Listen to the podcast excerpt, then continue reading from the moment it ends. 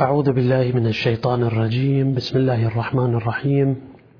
وصلى الله على محمد وآله الطيبين الطاهرين المعصومين الغر الميامين الذين أذهب الله عنهم الرجس وطهرهم تطهيرا. لا سيما الحجة بن الحسن المهدي أرواحنا له الفداء.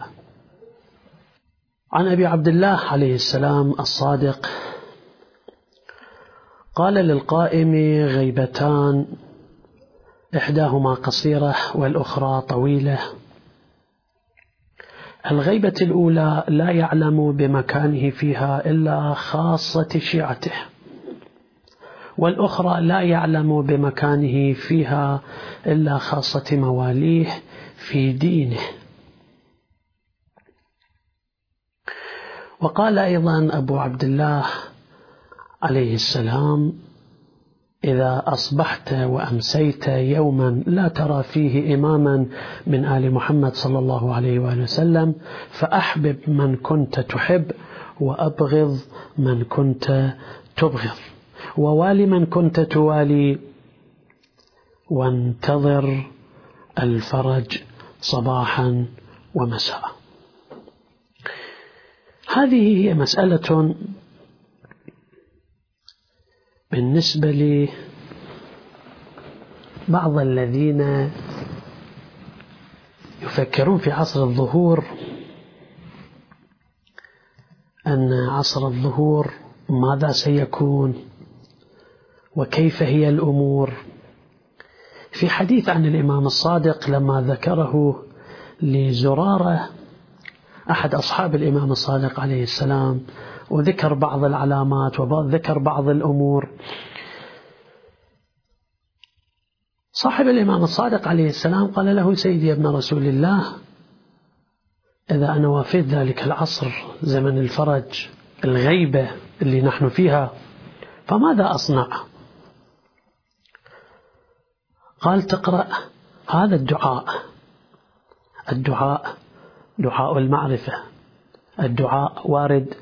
أن نقرأه في زمان الغيبة وهو عن الإمام الصادق عليه السلام يقول فيه اللهم عرفني نفسك فإنك إن لم تعرفني نفسك لم أعرف رسولك. اللهم عرفني رسولك فإنك إن لم تعرفني رسولك لم أعرف حجتك. اللهم عرفني حجتك فإنك إن لم تعرفني حجتك.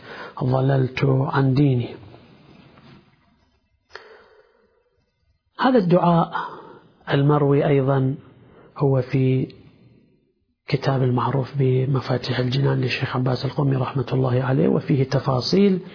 هذا أيضا من أدعية زمن الغيبة وفي رواية أخرى أنه في زمن الغيبة عليكم بدعاء الغريق. دعاء الغريق أيضا فيه حقيقة نوعا ما من التوسلات.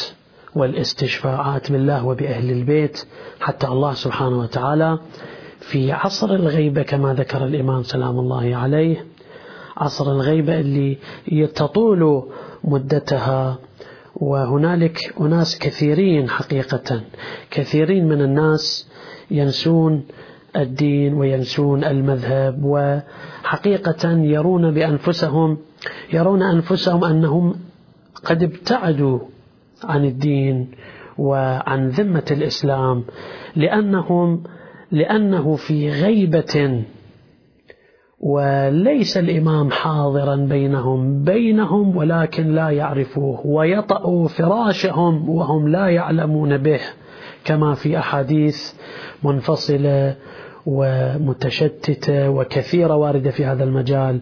الإمام المظلوم عن الإمام المهدي تعبر الرواية أنه يأتي في موسمهم يحج معهم وهم لا يعرفوه. يعرفهم وهم لا يعرفوه. هو الإمام يشوف الناس. الناس لعله بعضهم أيضا يراه ولا يعرفه. لعله يأتي من ضمن الناس. إلى بيته إلى مجلسه إلى حسينيته وهم لا يعرفوه. في هذا المجال أصحاب الإمام الذين أخصهم الله بهذه الكرامة أن يكونوا من أصحاب الإمام. سلام الله عليه. هنالك روايات كثيرة. أنه في ليلة واحدة يلتحقون بالإمام ساعة الفرج ساعة خروج الإمام بعضهم بطي الأرض بعضهم كذا. وفي حديث عن الإمام الصادق عليه السلام البعض على السحاب. يمشي على السحاب والسحاب تأتي به. فأحد يسأل لعله الإمام الصادق عليه السلام ويقول له يا ابن رسول الله أي جماعة من هؤلاء يكونون أفضل ودرجتهم؟ لأنه هي هم أيضا درجات أصحاب الإمام أيضا لهم درجات الخواص ثم الحلقة الثانية والحلقة الثالثة. كما أنه الملك إلى وزير ثم إلى مشاور إلى كذا إلى نواب إلى كذا. الإمام سلام الله عليه إلى خواص كما كان لعلي بن أبي طالب عليه السلام هنالك. من المخلصين حواريين حقيقة كما يقال.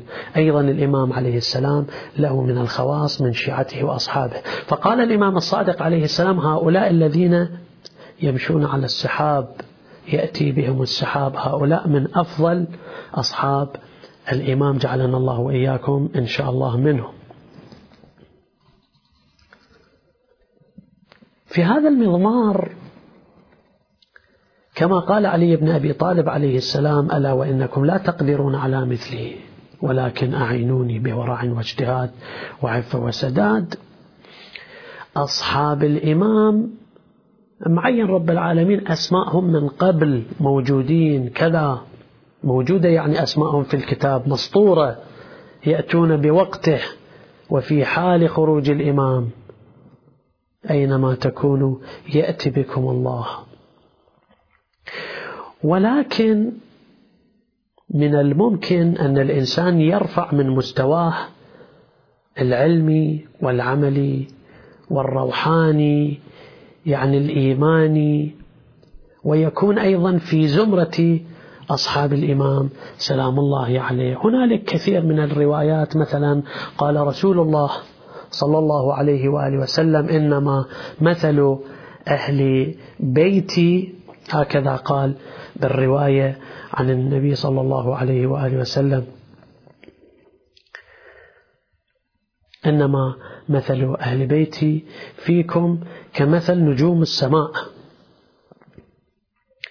فمضمون حديث النبي صلى الله عليه وآله وسلم في هذا المجال أنه النجم إذا غابت تأتي مكانها أو بمكانها نجمة أخرى ويلوح كوكب آخر.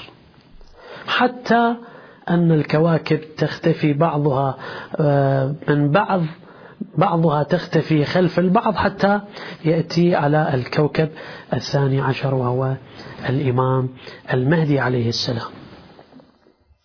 في روايات كثيرة حول أصحاب الإمام سلام الله عليهم وجعلنا الله وإياكم منهم. هنالك أدعية خاصة أنا ذكرت من قبل وسالفا أنه شروط أصحاب الإمام سلام الله عليهم هي الرياضة ليس فقط الرياضة الروحية يعني ممارسة بعض الأعمال الروحانية كترك مثلا أكل ما فيه الروح أو يخرج من الروح. هذه كلها مقدمات وفروع ثم فروع الفروع. ولكن الأصل في الموضوع هو ترك المحرمات وما يبعد الإنسان عن الله عز وجل وعن شريعة السماء اللي هو القرآن لأنه هنالك في أصحاب الإمام ليس هو أن الإنسان فقط يعمل عمل صالح مرة واحدة وينتهي ويكون من أصحاب الإمام الحجة. لا بل هنالك الكثيرين ادعوا أنهم من أصحاب الإمام ويلتقون بالإمام. وحقيقة هؤلاء يشوهون حقيقة هذا الاسم الكريم المبارك. وكل يدعي وصلا كما يقول الشاعر وكل يدعي وصلا بليلى وليلى لا تقر لهم بذاك. في حديث أقر بالمعنى عن أصحاب الإمام الحجة عليه السلام. عن أبي عبد الله الصادق سلام الله عليه في بيان خصوصية وكمالات أصحاب الإمام أن الله سبحانه وتعالى ليس على آه، مبنى أنه آه، على أسس يعني أنه هذا من عشيرة الفلانية أو يكون لابد أن يكون سيد أو لابد أن يكون من بشيء يمتاز حتى يجعل هذه القابلية فيه أن يكون من أصحاب الإمام. فتشاهد من حديث الإمام الصادق ومن أحاديثه صلوات الله عليه يقول فيه قال ما أوتي لقمان لقمان الحكيم. قال ما أوتي لقمان الحكمة؟ لحسب ولا مال ولا بسط في جسم ولا جمال ولكنه كان رجلا قويا قويا في أمر الله. قويا مو من ناحية العضلات. قويا في أمر الله. متورعا في الله ساكنا سكيتا وذكر جملة من أوصافه أي أوصاف لقمان الحكيم ومدائحه إلى أن قال ولم يره أحد. أي لقمان ما حد يشوفه. شلون ما يشوفه؟ ولم يره أحد من الناس على بول ولا غائط قط ولا اغتسال. هكذا كان متعفف نزيح. في ذلك الوقت طبعا ها؟ في ذلك الوقت اللي كان الماء يشترى. مو مثل الآن الحمد لله الماء متوفر إلى حدود وكل من في بيته وكذا. ولا اغتسال. حتى يطلع يكون شعره مبلل أنه مغتسل كذا أيضا ما حد شايفه بهذه الصورة. ولا اغتسال. ليش؟ ولماذا؟ لشدة تستره. كان مستور ويحب الستر. لشدة تستره وتحفظه في أمره. إلى أن قال يعني الإمام إلى أن قال فبذلك أوتي الحكمة ومنح القضية. يعني الله سبحانه وتعالى مو على أساس أنه هذا الرجل جمال أو عنده عضلات أو من بني فلان أو بني فلان أبدا. مرة من المرات النبي الأكرم صلى الله عليه وآله وسلم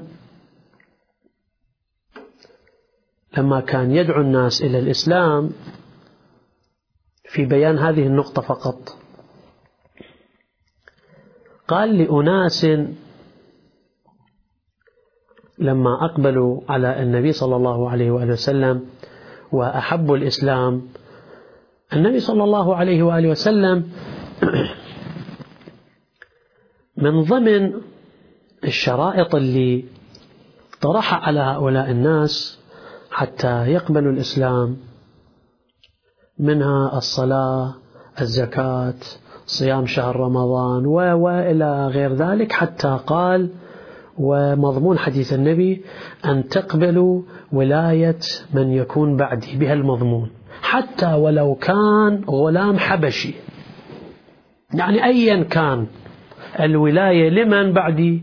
لا تقول هذا كبير وهذا صغير وهذا لازم يكون عربي أو يكون فارسي أو يكون أبيض أو يكون أسود. هكذا قال رسول الله. للي يتبع الحق لازم شوية يتفحص أكثر. لازم يبحث عن الحق. اللي يريد دين الله القويم الذي لا يأتيه الباطل لازم يتعب نفسه في طريق الحق. اللي يحب يتبع الحق فها هو الحق. المهدي من سلالة رسول الله صلى الله عليه وآله وسلم. فالنبي يقول بإمامة الذين من بعده في علي وأولاده سلام الله عليهم أجمعين. يقول ولو في غلام حبشي ما عندنا غلام حبشي بس النبي يقول صلى الله عليه وآله وسلم أيا كان بعدي ولي الأمر لابد أن تطيعوه. مو في مثل بعض الناس يقول لي نعم كان علي بن أبي طالب حدث السن ولولا فلان أو فلان كان الناس ما يتبعون الإسلام. الناس يريدون شخص يكون كبير السن طاعن في السن. ولكن اللي يريد الحق الحق يكون في أهل العلم في ورثة الأنبياء. أئمتنا واحد مثل الإمام المهدي صلوات الله وسلامه عليه عمره خمس سنوات. ذكرنا مولده أنه كان في سنة 255 هجرية. استشهد أبو الإمام الحسن العسكري في سنة 260 فكان عمره خمس سنين خمس سنوات الإمام المهدي. وكان إماما يقود الأمة. ماكو مانع من أمر الله سبحانه وتعالى أن يكون الإمام خمس سنوات أو يكون الإمام الجواد عليه السلام سبعة أو ثمان سنوات. لا إشكال في ذلك. ولكن هذا اختبار للناس أنه مو فقط الظواهر يتبعوها الناس خل يتبعون العلم يتبعون من لا تأخذه لومة لائم ولا يشتري رضا الناس بسخط الله ولا يقول الزور ولا يقبل شهادة الزور ويحترم سلالة رسول الله إلى يوم القيامة. فهذه من الممهدات أن الإنسان يكون من أصحاب الإمام. هو محبة أهل البيت واحترام سلالة النبي الأكرم صلى الله عليه وآله وسلم. وهنالك أيضا روايات كثيرة عن النبي صلى الله عليه وآله وسلم. قال رسول الله صلى الله عليه وآله وسلم إنما مثل أهل بيتي فيكم كسفينة نوح. من ركبها نجا ومن تخلف عنها غرق وهوى. إذا أهل البيت سفينة للنجاة. وليس هناك خيار آخر حتى نترك هذه السفينة. كسفينة نوح. نوح لما ركب مع أصحابه فقط هذه السفينة كانت ما كان اختيار آخر. فلماذا الإنسان يلقي بنفسه إلى التهلكة هذا كتاب الله شاهد من كتاب الله وشاهد من رسول الله وأقوال رسول الله ومن علي بن أبي طالب والحسن والحسين. سلام الله عليهم أجمعين. وأقوال كثيرة وشواهد ونصوص كثيرة. في أحوال الإمام وأصحاب الإمام. سلام الله عليهم أجمعين. أنا بودي حقيقة أن أذكر قضية أيضا لأحد الناس الذين ساعدهم الإمام المهدي عليه السلام. في كل مكان في شرقها في غربها. الإمام في كل مكان. فقط الإمام إذا سمع صوت إنسان يستغيث به وهو يقول يا أبا صالح المهدي أدركني. الإمام يدرك الإنسان يدرك المسلم ولرب الإمام سلام الله عليه لكونه حجة الله على الأرض. حتى غير المسلم الإمام يقوم له بالمساعدة. أحد رجال الدين لعله كما ببالي يذكر أنه في رحلة تطول ساعات وأنا في السيارة لعله كانت باص سيارة كبيرة تحمل المسافرين. يقول ساعات طويلة لما جلست وإذا جلس إلى جنبي أحد المسافرين. يقول رأيت هذا الشاب وإذا به يحمل جنطة كما يقال الحقيبة الدبلوماسية وما أشبه. وظاهره كأنما مو من الملتزمين. يعني عنده يكون اللحية ويكون الوقار الكذا. يقول تأذيت في نفسي اللي لماذا هذا الشخص جلس عندي؟ ليش ما جلس مكان ثاني؟ أكيد هذا الإنسان اللي ما عنده ظاهرا التزام بالدين. ليش جلس عندي؟ ولماذا ما جلس مكان ثاني؟ فيقول في أثناء المسير وأنا متضايق لعله كنت يقول صار وقت الصلاة.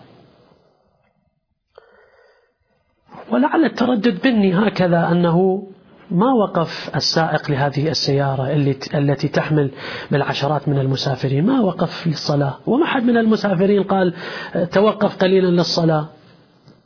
إلا هذا الرجل إلا هذا الرجل الشاب الذي هو جالس إلى جنبي يقول تعجبت وارتحت.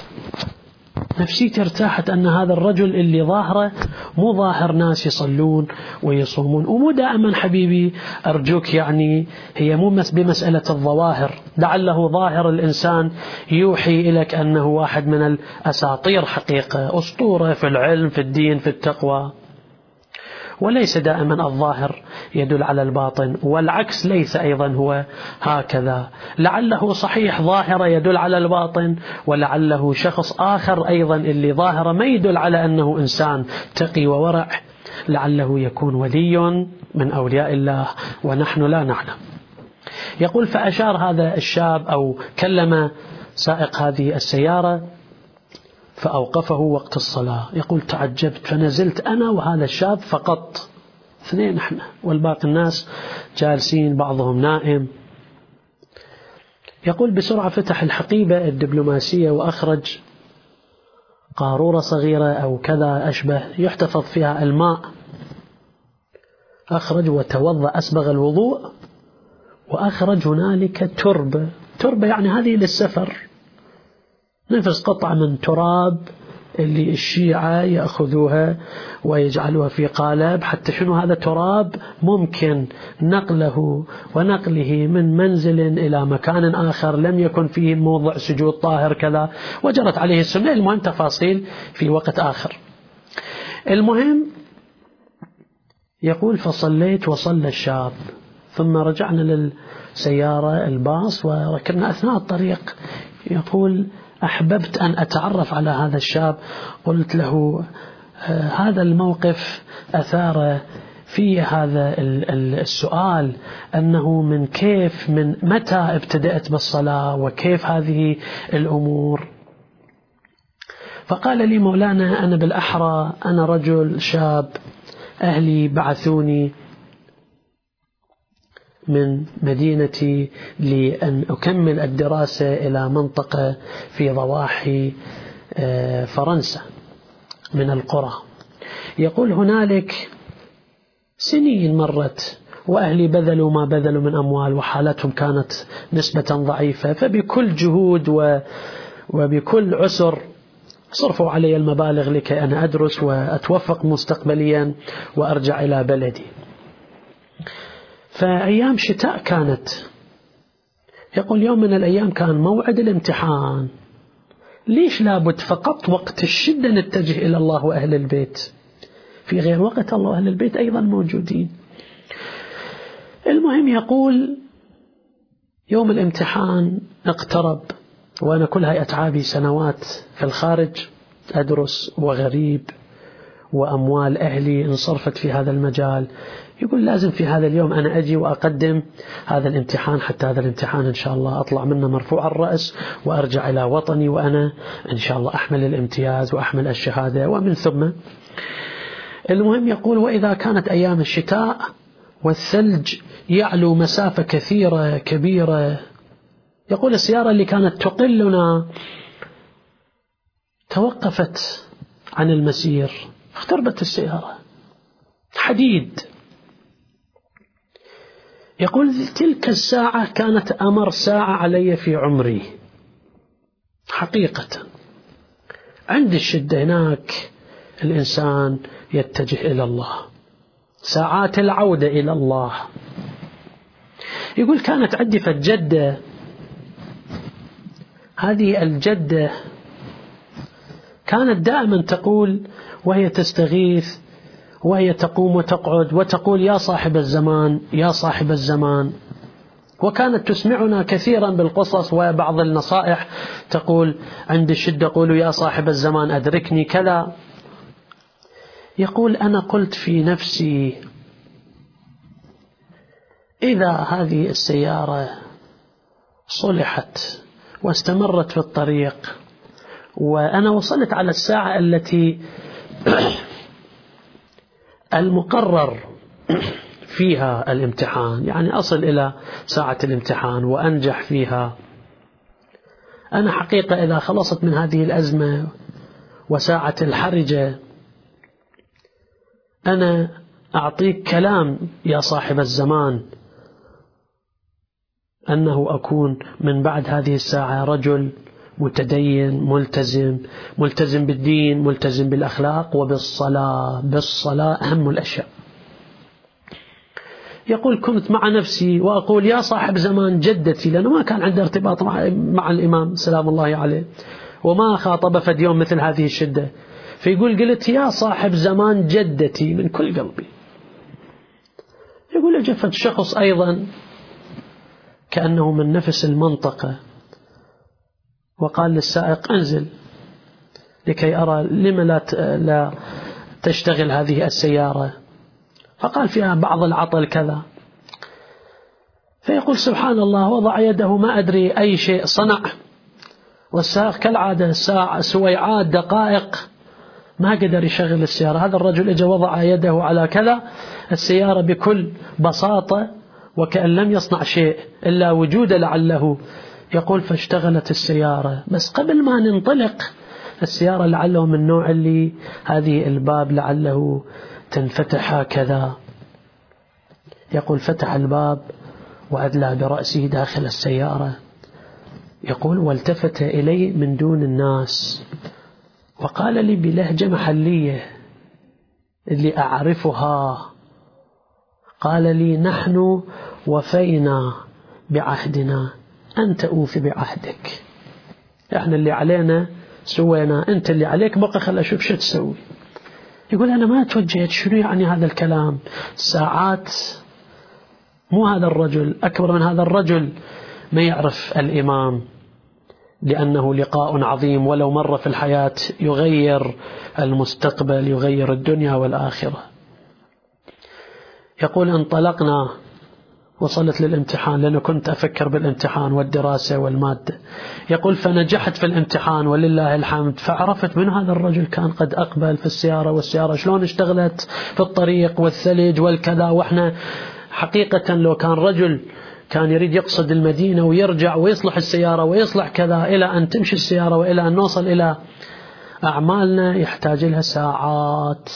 وكان كل مستقبلنا منتهي ولكن عرفت أن هذا الذي استغاثت به هو الإمام المهدي هو غوثنا هو هو غياثنا هو الشخص الذي نلوذ به عند العسر.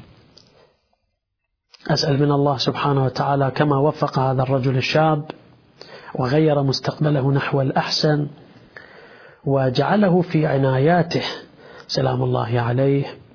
أسأل من الله سبحانه وتعالى أن يجعل أيضا عواقبنا جميعا إلى خير وأن يجعلنا إن شاء الله من المهتمين بمسألة الإمام المهدي عليه السلام ومن المنتظرين له إن شاء الله. وفي آخر كلامي سأقرأ حديث الإمام ودعاء الإمام المهدي عليه السلام وهو لكل المسلمين وأختم به حديثي إن شاء الله.